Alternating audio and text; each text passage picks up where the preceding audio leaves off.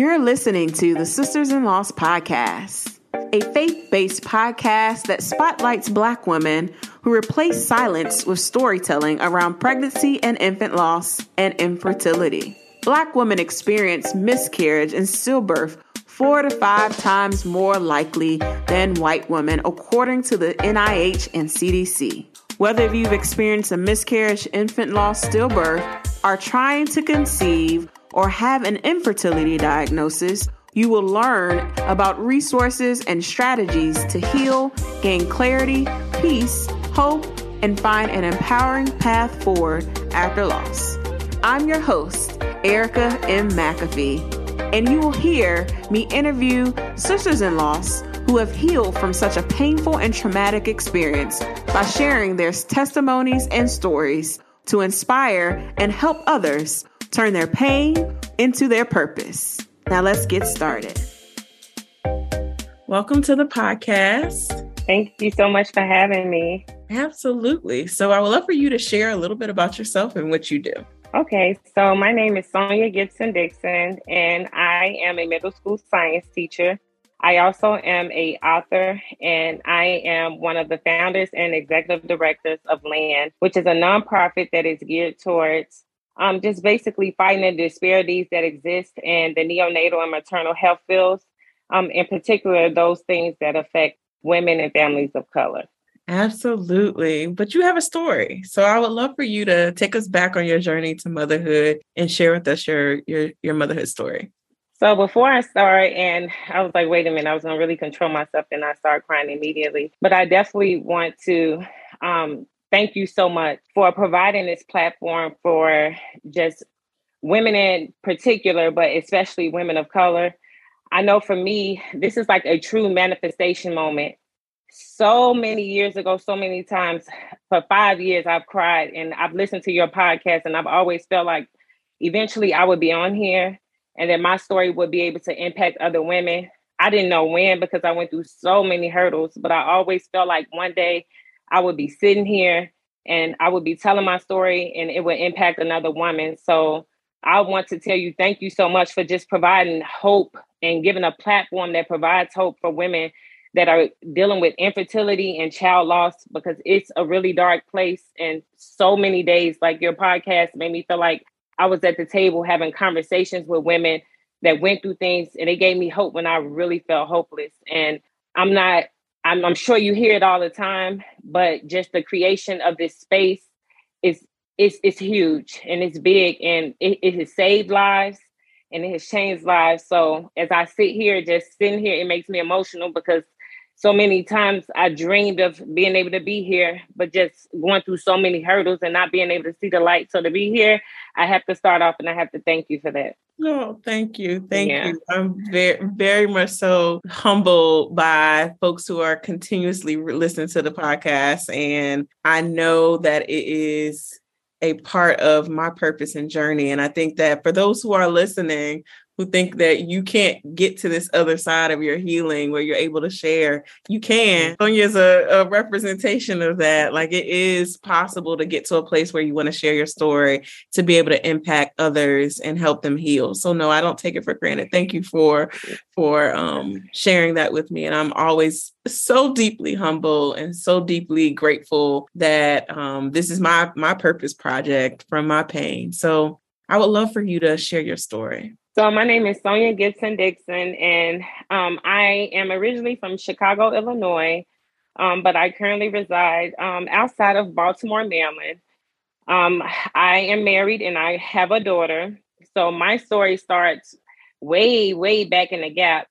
Um, but I wasn't really sure about what was really going on with me at the time. Um, but it was just the beginning of, I'll say, a whirlwind.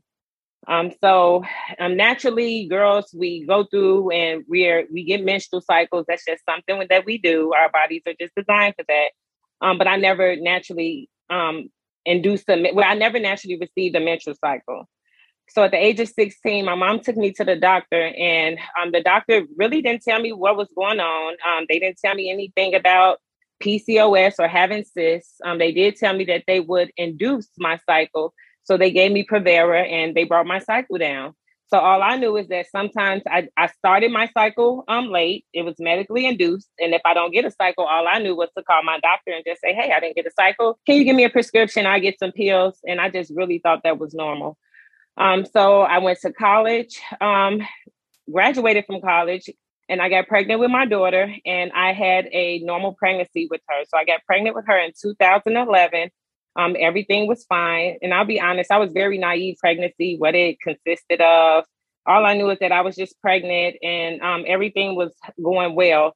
Um, I did have a sub chorionic hematoma during that pregnancy. So I remember being at home um, visiting in Chicago over the summer because, you know, college students over the summer, they pack their things up and they go home. Um, so when I went home, I was bleeding out really bad. I had an episode and my parents took me to the hospital and I actually um, thought, well, the way that I found out I was pregnant, my daughter was really interesting that summer because I hadn't had a cycle in so long. So I didn't have insurance at that time because they had dropped me off my mom's insurance.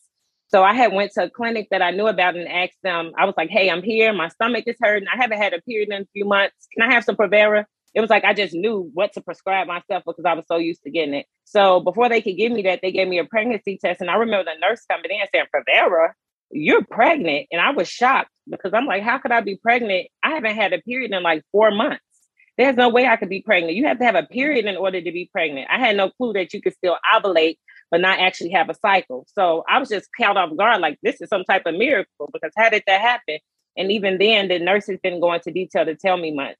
So I knew I was pregnant. And then um, a, a, few, I'll say like a month later, I started bleeding really bad. And that's when my parents took me to the actual hospital and I found out I had a sub subchorionic hematoma. And they were telling me that it was a 50 50 chance my daughter would survive. Like basically, I was bleeding and they couldn't really tell me why, um, but um, it was threatening miscarriage. But um, I went back to Louisiana once the summer ended um, and my pregnancy proceeded and everything went fine. And I ended up having my daughter.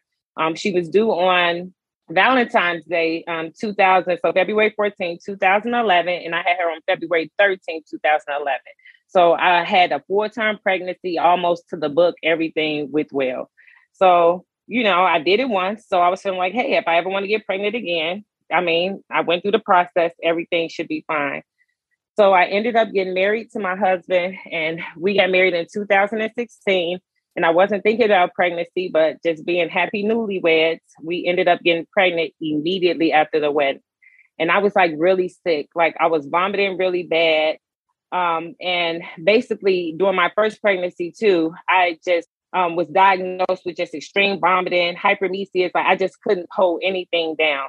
So I went through that the second time, too. And um, I'll never forget at 14 weeks, I was washing dishes in my kitchen talking to my best friend on the phone and I just felt like a gush of water.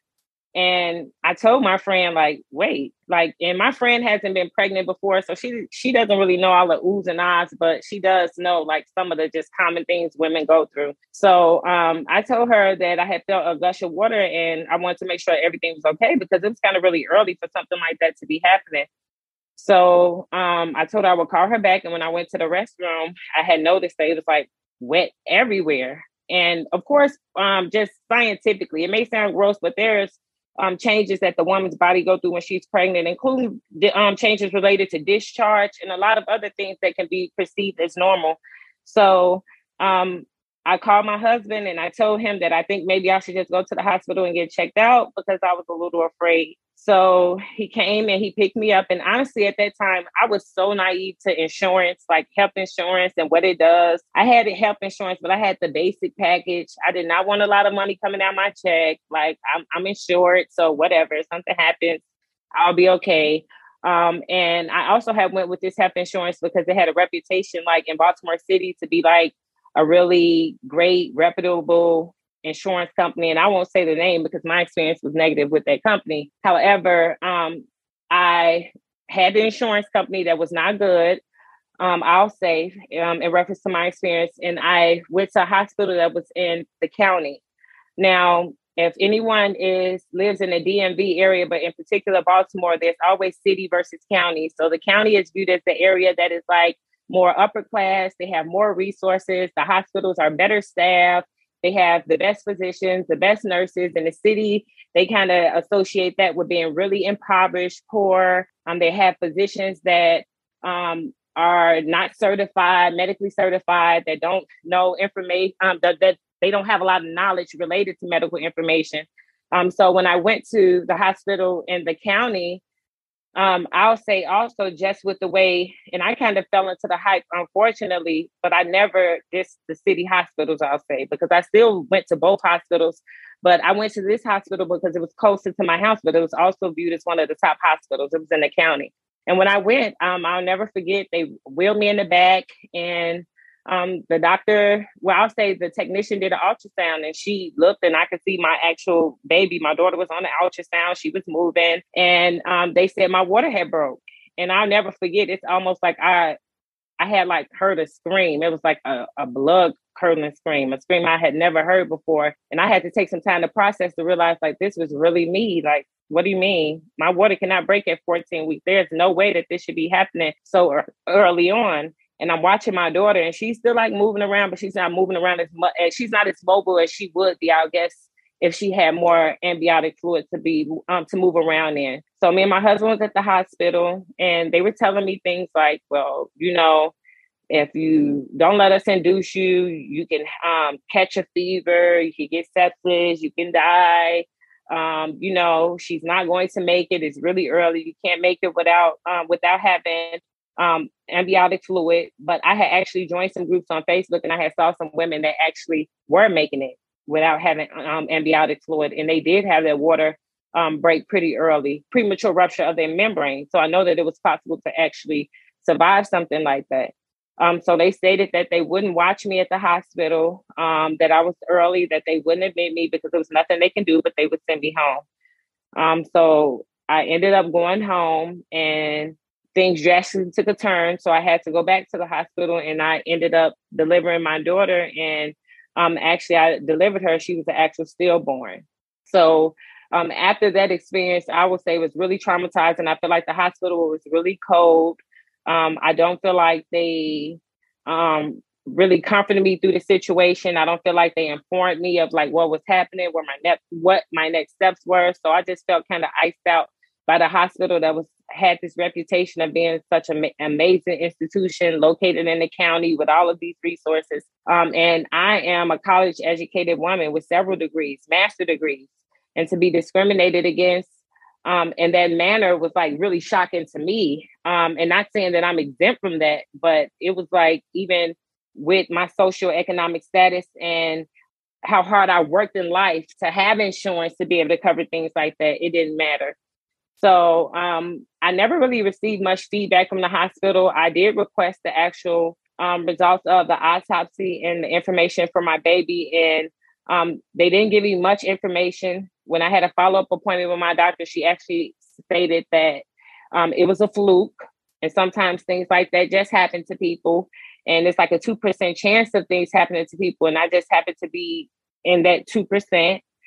Um, so um, she had no explanation, but I was reading in the report, and when I read in the report, it also had mentioned something about polycystic cysts that I was never made aware of. Um, she never even mentioned that, but um, that piqued my interest.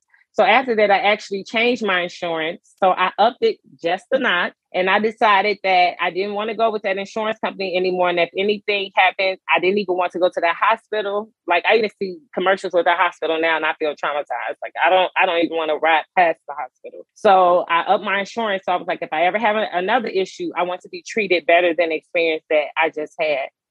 So um, that happened. I lost my daughter. I lost her on February 6th, 2017. Um, and I went on and I continued to try to get pregnant. And um, I struggled with getting pregnant. And at the time, I didn't know I had PCOS, but I ended up making an appointment with a, um, a reproductive endocrinologist. And they actually ran a panel of tests on me. And at that time, they told me I had PCOS, and they were shocked because they were stating I was pretty lean. And, you know, I was just someone that they wouldn't think would have PCOS just based off my medical history. Um, so um, they told me I had PCOS. So during that time, um, we struggled. So me and my husband, um, I convinced him to go to Shady Grove Fertility with me, which is in Baltimore, um, so that we could get reproductive assistance. And when I went, the doctor was like, just according to my history, with me even having my daughter, it is that I can get pregnant. It's just kind of like chasing my ovulation due to me having PCOS and not knowing when I'm going to ovulate or if I'm ovulating at all. So um, they helped me with ovulation and they also um, gave me um, an injection. I was, well, I gave myself an injection that I was able to take as well. And that assisted um, me with my follicles and coming down. Um, and I got pregnant from um, actually that process. Um, and I went between Baltimore, Shady Grove Fertility um, Center, and Towson. So I rotated between the two. But my doctor, Dr. McClamrock, he was really in on my history. Like he really wanted to assist me. So I was really grateful for the assistance they um the assistance they offered me. But also in that pregnancy, it started off and I still started off with bleeding. So I also had a sub um, chorionic hematoma also during that pregnancy as well. So they were telling me that I did all this stuff and everything is fine. And um, implantation was okay, but just be aware that it was kind of like a threatened miscarriage due to the sub um, hematoma, which is like a bruise they stated in the inside um, of your uterus, and sometimes like a bruised bleed. So that's what it would do. Um, but it naturally healed itself during that pregnancy. Um, so um, everything was going well, everything was fine um, until I went and I was 12 weeks pregnant. So I went to Sinai Hospital. Now, Sinai Hospital is located in Baltimore City. And I'll be honest, they get a bad rep, not because of the doctors, but the location that they're in. And people view the location as being a really bad location and who would want to go there. You know, people are really afraid to even pull up to the hospital. So I decided I was going to get my treatment there. I looked up the physicians there and I don't care. Like I'm going into the heart of the city. So I found out that I was pregnant and at 12 weeks, um, my doctor actually pulled me inside of um, the doctor, um, pulled me inside of his office. And um, he told me that um, he showed me a picture, which I was oblivious. I didn't have any clue about anything. Um, he ended up showing me a picture, and the picture that he showed me was a picture of my cervix. And my cervix at 12 weeks had already started to dilate. And he was looking, and I was looking, and actually, um, if I'm able, um, he was looking, I was looking, I was going to say I actually had the picture, and on the picture you can see my cervix starting to dilate, which freaked me totally out because I didn't even know what he was talking about. Um, and now I had no clue about dilation. I didn't know anything about the cervix. So he told me this is really early to start to see changes like this. Do you know what this is? And I was like, no. And he was like, Your cervix is starting to um, dilate. Do you know what your cervix is? And I felt so ignorant because with all the knowledge that I have, no, I don't know the purpose of a cervix. I don't know why it's in there. I don't know why this is really important to me, but you seem really alarmed. So now I'm triggered. I want to learn more. And I actually found out that at 12 weeks, my cervix had already started to dilate.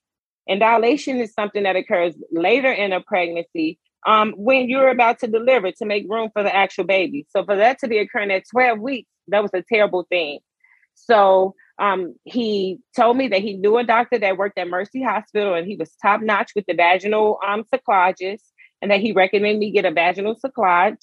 So I had that appointment on a Wednesday, and by that Saturday, I was getting the vaginal cerclage. Now I was in a whirlwind. I was caught off guard. I didn't have a clue. I just knew I was going there for a surgery, and I needed this surgery because of my cervix just acting crazy.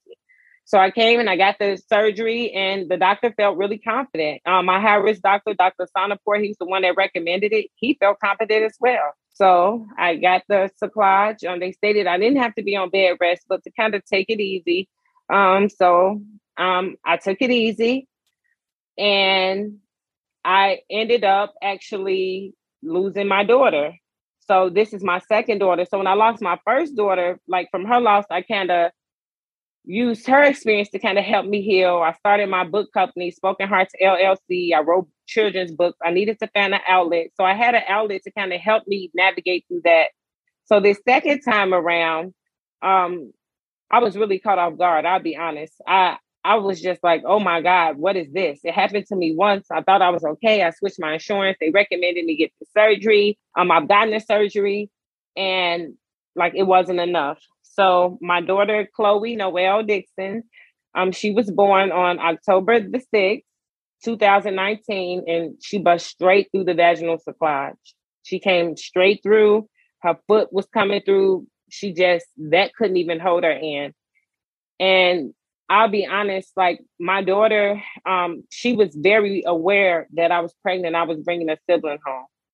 And I'll say to me, that was the most, both times were really traumatizing because I'm a teacher. So I'm around hundreds of kids. Like right now, I teach 150 kids a day. I see five, I see four classes of 35 students. So when I was pregnant the first time, the students saw my stomach grow. They actually knew I experienced the loss. My principal at the time had to bring in a counselor. They like they were destroyed. They brought flowers and things to me, but I felt so bad because I had exposed other people's kids to uh, a subject that's so taboo, like so hurtful, like something that I should have never exposed them to.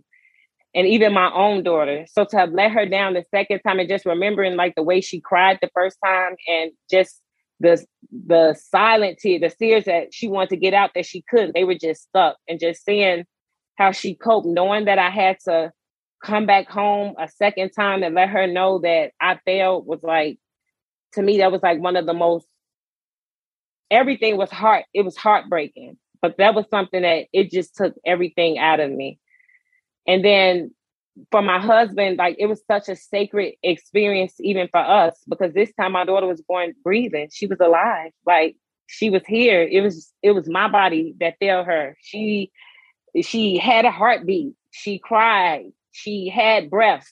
You know it was just that her little tiny body couldn't sustain. And I remember when they were attempting to prep me for the funeral, well, to prepare for the arrangements. And I was telling my husband, I'm not doing anything. I'm not even going. So whatever they asking me to sign, I'll put my signature on. You could go to the funeral home. You can handle everything. I'm not taking it. I can't take it again. You can do it. And my husband, I would never, I will always, always love him because he was so strong in my anger and he knew how angry I, angry I was because even during the delivery, I the the first time it caught me off guard and I cried and cried. The second time, to know me and my team, we threw the transvaginal supply. I had progesterone, like we were having appointments.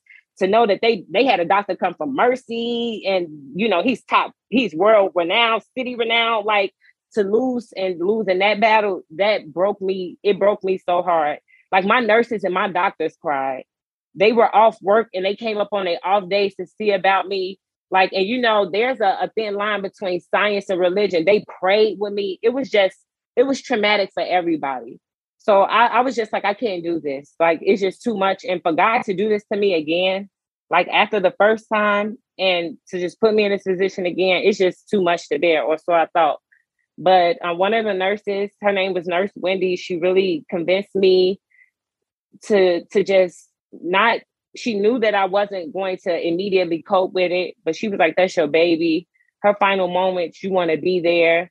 I know you're angry, you know, but you don't want to look back. You don't want to regret this. Have your husband standing there by himself. Nobody is comforting him. And, you know, you just so caught up in your anger. Find your strength. You so strong. I see you even here now. And they just poured on me like, You still so strong. Look at you. You still so beautiful. You holding up so well. And she convinced me like she gave me strength and um, even when I was there, I told them, "Get me off this floor. I don't want to be on the labor and delivery um labor and delivery floor. I'm hearing ultrasounds go off. I'm hearing families clapping, crying. I'm hearing babies crying. I have to get off this floor. I'm leaving here with another box. I don't want to be on this floor." And they told me, "We can send you up a few floors up, up to the women's, just regular women's general floor, but they they don't know you like we do. We know your story. They're not gonna take care of you like we are. They're not gonna wrap you like we are. And they gave me the suite. They gave me the nurses suite that they have when they have emergencies that they're snowed in. They gave me the biggest room and they said, We're gonna do our best to make sure you don't hear anything. We're gonna cover you. We're gonna get you through this.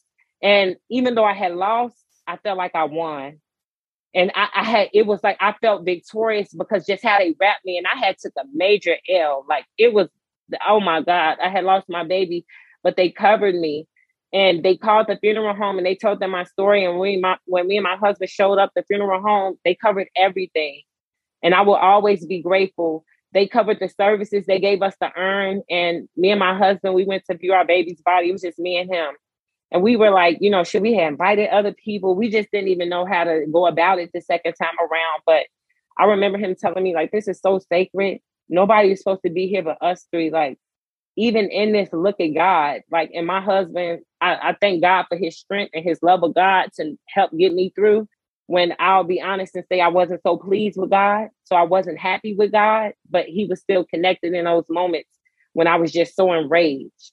And even when I wanted, uh, even I could even say honestly to this day, even when I wanted God to let me go, He would not. There were so many moments in my living room I screamed out of anger, just why me? Like hum- humiliation in front of hundreds of people, hundreds of students on social media. I've announced this everybody. Why me? And I would be so angry and tell God, I, I don't, I don't want you because you're not here. My prayer's not even reaching you.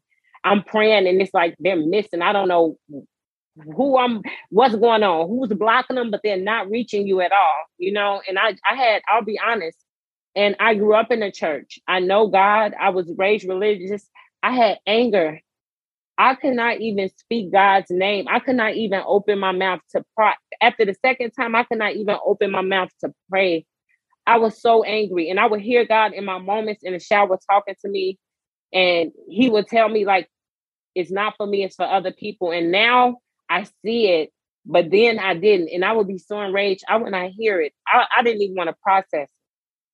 And I, I went about my life. Um, after that, actually, um, a little before that, um, Santoria, she is my line sister. She's also my friend. Um, and we went through um, very similar situations as far as marriage, having our daughters. And I was there for her when she had her first daughter and even her losses. Um, and I remember when I had my losses, they couldn't really understand. I was in such a dark place. I was so, so dark. And I thank the people that love me in my darkness because it was such a dark place. It was no happiness. I had no optimism. I had no peace. I had no, I just waited for everything to beat me down and just accepted this dark place. Um, but during our losses, we ended up assisting each other in our grieving processes and started our nonprofit organization called LAND and it stands for Let's End Neonatal Deaths. And we were just talking, and, and we were like, if we ever get on, even if we don't get on the other side of this, we're going to help other women that are like going through what we're going through because we're struggling. And honestly, for me, your podcast helped save me because I didn't have a resource. That's what made me want to start a resource because I looked and looked and there was nowhere. And I'm not taking away from any of our counterparts, but I was in groups and women were having miscarriages and strangers were doing meal trains on the next two weeks, they don't have to worry about food. They were sending care packages and picking up the kids. And I was just like, oh my God, I don't even have a person to whisper this to. I am broken. I don't even have a person to call and say, I am hurt. And they have meal plans for the next two weeks. They don't have to worry about cooking, transportation for the baby. Somebody has hired a cleaning services, just resources galore. And I just look like nothing, not even a person to whisper or cry to. So it's really good to have Santorian for us to be able to start our organization. Um, and through that organization, we pushed. And I thank God because I was having losses. I was losing babies, but I was still pushing LAND. I was still having forums to encourage women, telling them to get checked out for preeclampsia, just um, just all type of things. And people would never know just looking at me. I'm in a sorority, just me pushing. I was so broken when I started LAND. I was just pushing through. I was crying so many nights. Following that loss, I had another loss in September 2020. I had three back to back losses, and I was going and going and going and having forums with people and giving resources to people and smiling. And I was broken. And I was angry at the people around me because I felt like they didn't know me. Like, how can you not see me? I'm broken. And the fact that you think I'm whole and you're encountering me every day, you don't know me. And it made me so enraged by almost everybody around me because I felt like I have to embody this strength. Like I'm hurting. And if you really know me the way you know me, beyond the smile, beyond the clothes, beyond the designer, beyond everything, I am broken. And the fact that I have to sit in this brokenness alone, but then that they made a bell ring in my head, and God said, You're not alone, but you're gonna sit in this brokenness with me because even sending your brokenness with them can't help you. And he really told me that you've been broken with them and you're going to sit and be broken with them. And all you can do is transfer your broken energy to them. And they can do it's some places you're going to go with this that your husband, your friends, your mother, nobody is going to go with you. It's going to be me and you. So you can be as mad as you want, but you still going to have to come back around and see me. And that's literally the way God was like talking to me. And he let me see, even in that moment, even in my disappointment of people not understanding, not really being there for me, like, you know, going about their life. I'm struggling with secondary infertility. You think thinking stuff is okay with me because I have a baby. I'm struggling. And then every baby I have, I'm losing these babies. And it's not them. I'm getting autopsies back and they're perfectly well. It's me. Like to carry that type of trauma, to know that I've traumatized hundreds of kids when they think of their teacher. And I will always be grateful because they never made me feel less than. For my first loss, I actually had a student that came up and he said, Miss Dixon, I'll be honest, they downstairs in the cafeteria, they talking about you. And I was like, oh my God. He said, but they told me to come up here and ask you if you never want to talk about it again, we'll never bring it up again. And I looked at him and I said, I never want to talk about it again. They never brought it up. When I say they made me feel like Superwoman, you would have thought I never had a loss. And for them to be in sixth and seventh grade and be that mature, I came home and I cried, but I cried because I was like, okay, some of them will remember me as being strong and being this amazing influence. But when they look back, they're going to remember, like, you know, I lost a baby. Like, I lost a baby in a stage where they know I had a baby, you know, and I always think about, even though they put it into the back of their head to protect me, what did that do to them? Even my daughter, just watching her maneuver, like just to see me be strong and knowing I, I read her diaries when she talked about her siblings in heaven and being the only child and how it broke her, but she would never verbalize how we would walk past baby owls and she would say, Mom, are you okay? But basically saying like this broke you down and you pretending like it hasn't broken you down. So just the small things have always the second time, stomach real big and I'm coming back. You know, like what did it do to them? And I'll say that in those instances, I found allies. One of my work besties, I we became work besties because she went through so many things. And when I came back, she let them know, look, it's a medical emergency. She doesn't want to talk about it. And that's kind of how I navigated. I put everything in the box during that time. I don't want to talk about it. If I'm going to survive this, I need to pack it away in the box. And during that time, so many things were happening. I lost my grandmother. Uh, I lost so many relatives, but I just had so much trauma that it was like I was so numb, pack it away in a box. Um, and I didn't even do counseling during that time. It was just pack it away. And um, I never forget after having my last loss in 2020, I was talking to one of my line sisters and I told her, maybe this isn't what God has for me. I'm constantly trying and trying and trying. I'm going to the fertility clinics over and over. I'm having losses. Things are not happening. Let me just be grateful. I may just have Kennedy. She's here just be grateful you have her, you know? And honestly, we were going straight into the pandemic and I was carefree. I wasn't thinking about having a kid or doing anything. My mom decided to let my daughter stay with her to do school virtually. And me and my husband, we hung out like teenagers. We were going to brunches, we were partying, we going, we going late night McDonald runs, everything. We, we have free childcare, we having a good time. And I ended up getting pregnant during that time. Naturally, I didn't have to go to the fertility clinic or anything. And what was crazy is that um, that was also during the time Spirit was canceling all their flights. So it's my husband's birthday, and we were scheduled to go to Puerto Rico. But right before we were scheduled to go, it's crazy how funny how things work because we were going to go, but then they offered us. They said, "Well, we'll give you all a thousand dollar credit a piece if you don't get on this flight and wait till tomorrow." So we said, look, we only like 20 minutes, 15 minutes from DM um, from the actual airport. We'll definitely take that. We'll just come back. But the next morning when we came back, I was really sick. Like I wasn't doing well at all. Like I was bleeding. I didn't know why. I wasn't supposed to be bleeding. I was bleeding. I was throwing up, and that was the height of COVID. So I was like, you know, I'm scared to go somewhere like, you know, not knocking Puerto Rico, but I'm not familiar with their medical system. I'm scared to go somewhere and I end up having COVID. And this is the height when it was scary and you know i get stuck and something happens. So i can't go so my husband was like the hospital was like 15 minutes away. So he was like well just go to the hospital try to get checked out you know get a covid test. You don't have covid we can still go. You know maybe you know your cycle just wacky or whatever. So i'm kind of going along with it. So i go to the um, actual hospital and they run tests and everything and they end up telling me that i'm pregnant. So i'm caught off guard by that like whoa but then they tell me i'm having another subchorionic hematoma so basically, every time I've gotten pregnant, I've bled during the pregnancy. So they're telling me it's like a threatened miscarriage. So I'm caught off guard because I'm ready to go to Puerto Rico. It's my husband's birthday weekend. I have to come back and tell him this. He's gonna be totally caught off guard. Now I have anxiety because they're telling me this is threatened miscarriage. So the, I, this could just go all type of ways. So I went back and I ended up telling my husband, and we had to cancel the trip. And luckily, he was understanding. Um, and we went through the pregnancy, and well, I was terrified.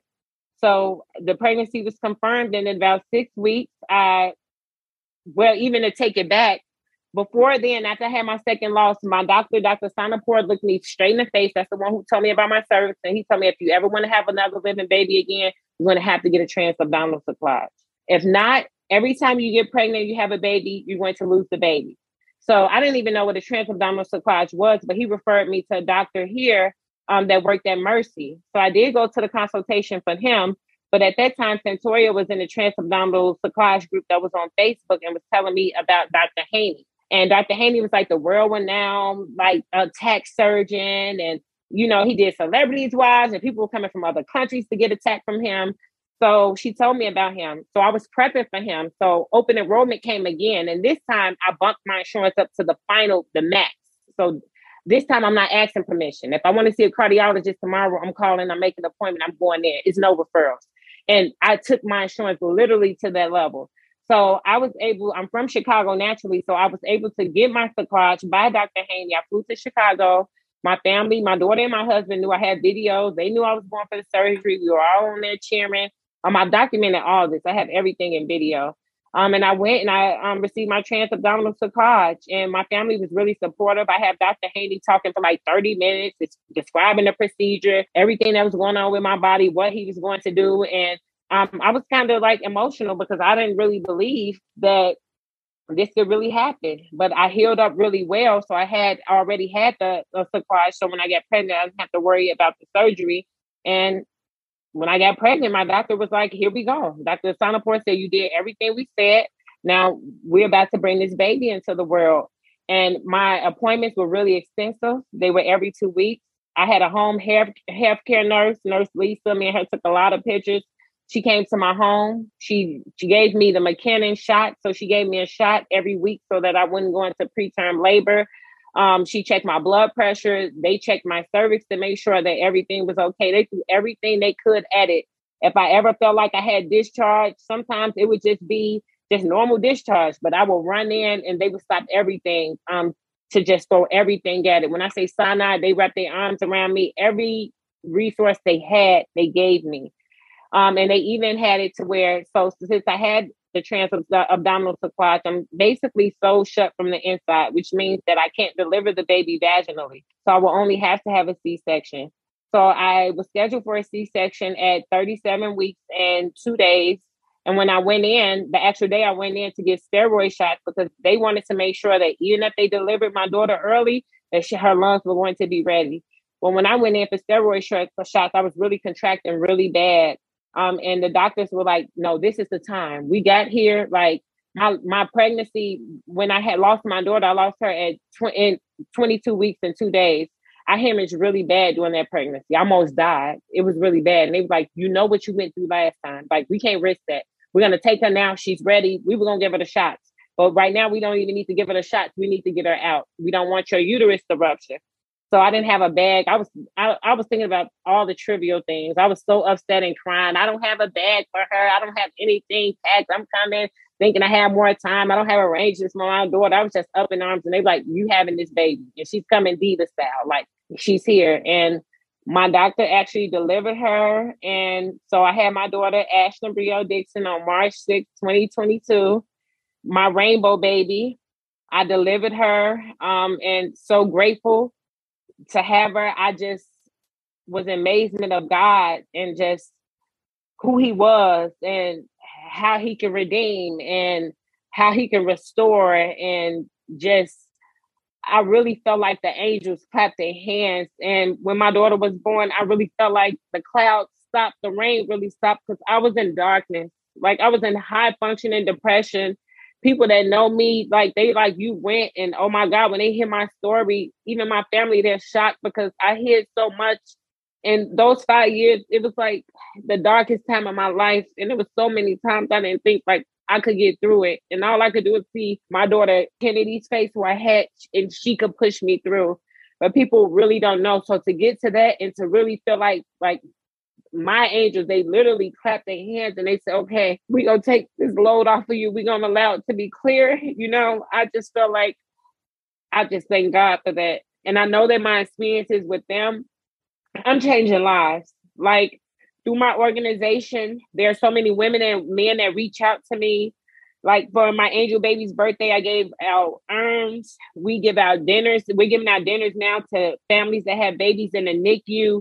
There's so many women for PCOS. They reach out for so many resources. And I know I promised that when I looked at my second daughter after she took her last breath, that it would not be in vain. Like I'm a damn good earthly mother. I do everything for my daughters, but I was like, I will not stop because there are women that I see in these groups that don't have the resources I don't have. They don't have the insurance that I have. They don't have the job that I have. They don't have the husband that I have. They're losing their babies every day. They're writing in a group. They know they're gonna lose their babies.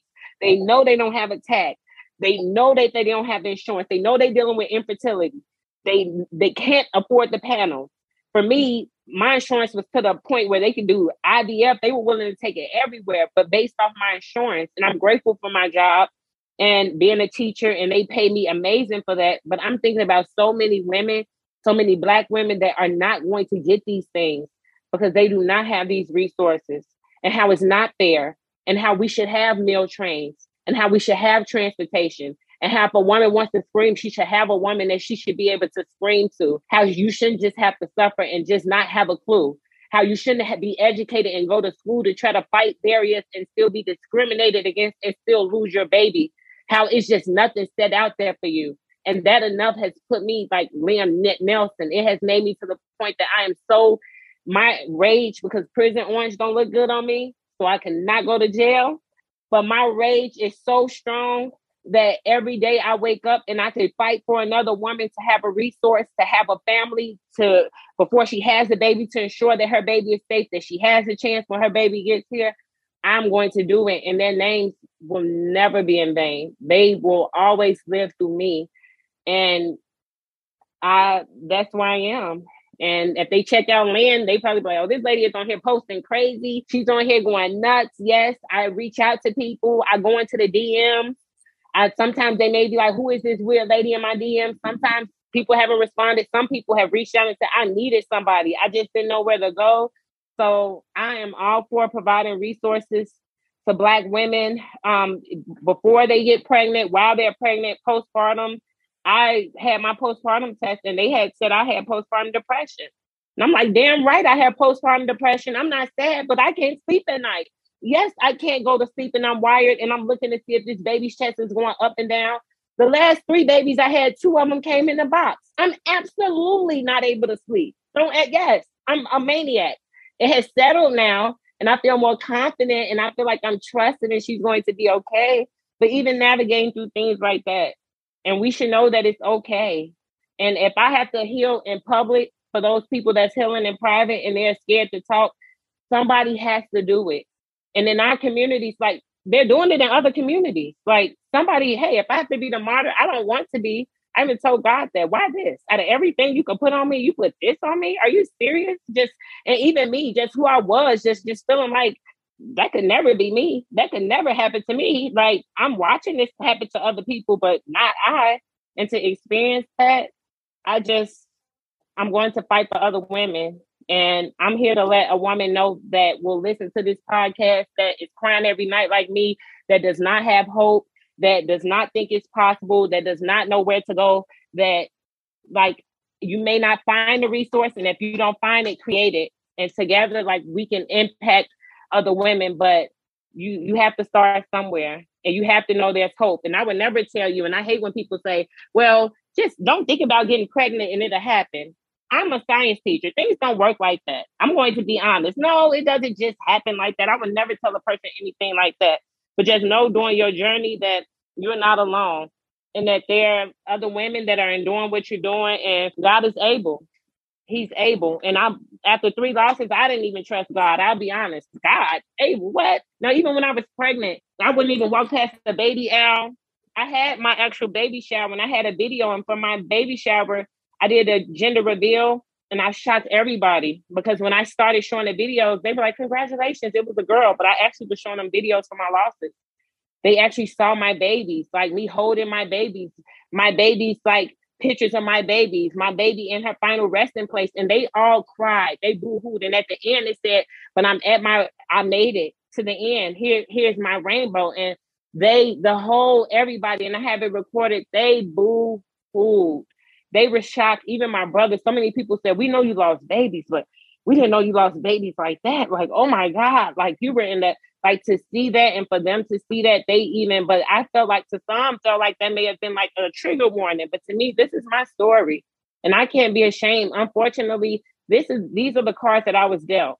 And I'm in a sorority. I'm in several sororities. This happens to be one.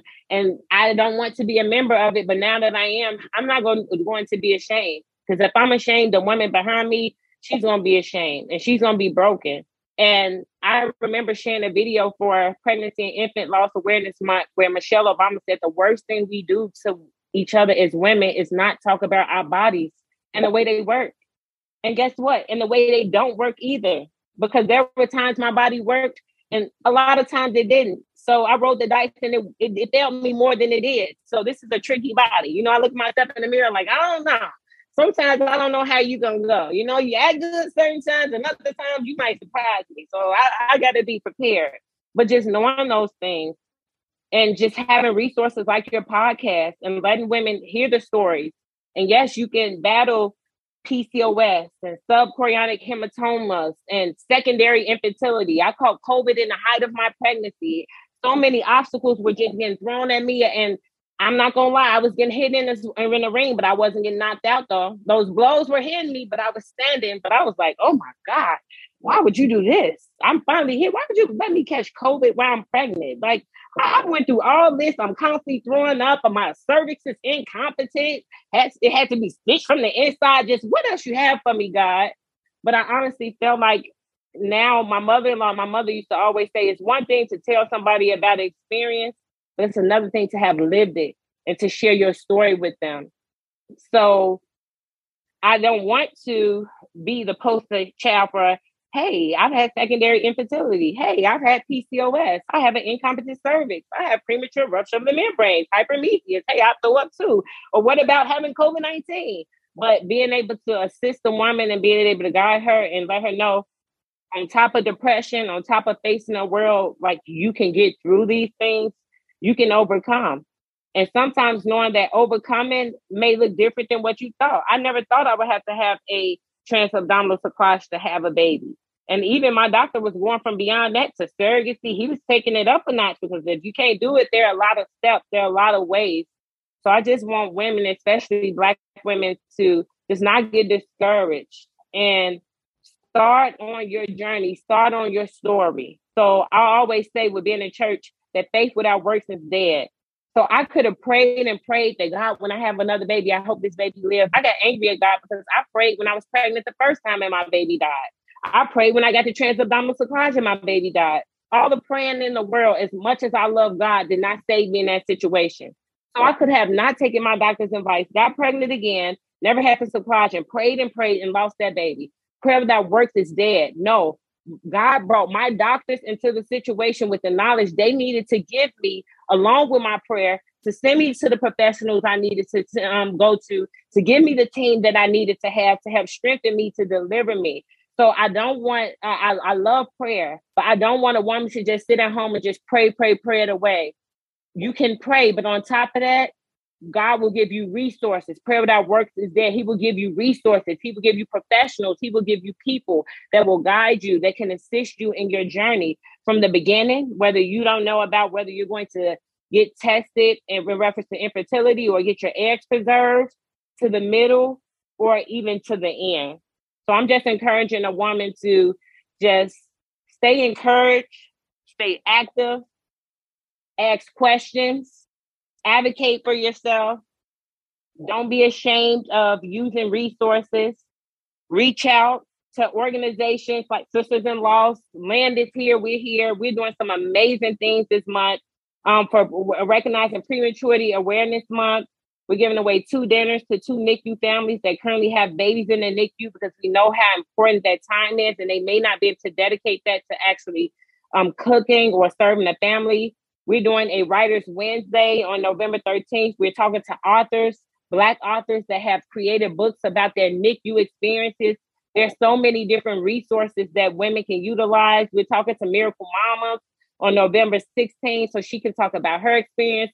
In December, we're having a holiday resource party where we're bringing just neonatal and maternal health and women's health resources all in one spot. We're playing games, introducing people to actual resources, and also ending out with a vision board party. So there are so many things that we want to give.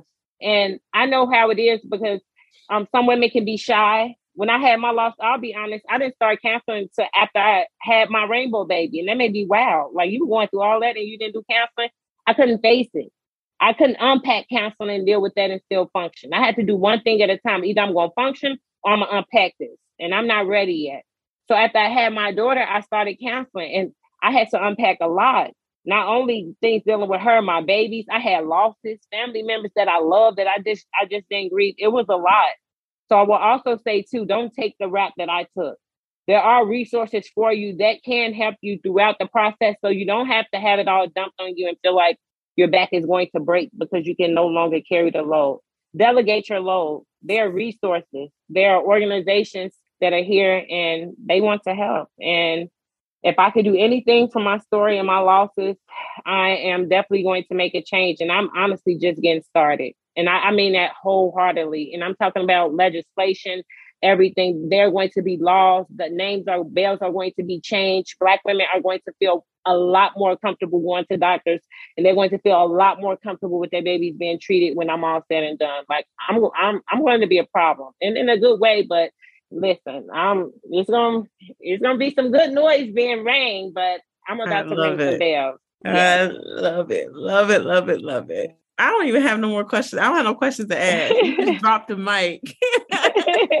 your story and your testimony and your journey. And I think the biggest thing that I take away, obviously, a lot of the things that you went through, um, all the losses that you had, you know, even with the transabdominal cerclage, you were working through this like you were working your regular job but you also started this nonprofit through all of this before you even had your rainbow so i just am um in awe of how God has worked through you. And as you said, you're just getting started. You um, have not reached where God has you to go with your organization. And I am excited about what is to come and how Sisters in Loss can partner with LAND to continue to carry on this mission to save Black moms and babies. So I would love for you to leave your information for everybody, your organization, and then where people can get in contact with you after this episode.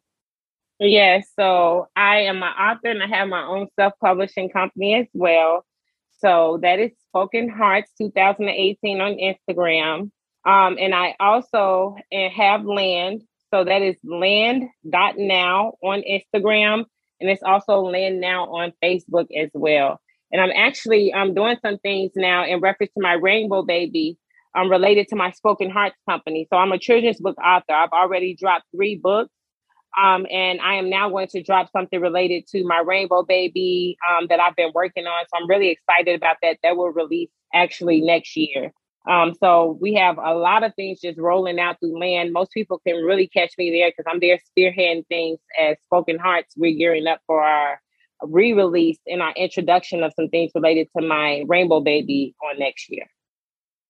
Perfect. Perfect. Thank you so much, Sonia, for being on the podcast. Thank you. Thank you for having me. Light. This has been such a great conversation, and I think people needed to hear this at this time. So, um, you all definitely go give her a follow. I'll leave all her information in the description box below. Thank you so much. You're welcome. Thank you for listening to today's episode. For show notes, go to sistersinloss.com to stay connected with us and join the Sisters in Loss community and receive my weekly newsletter.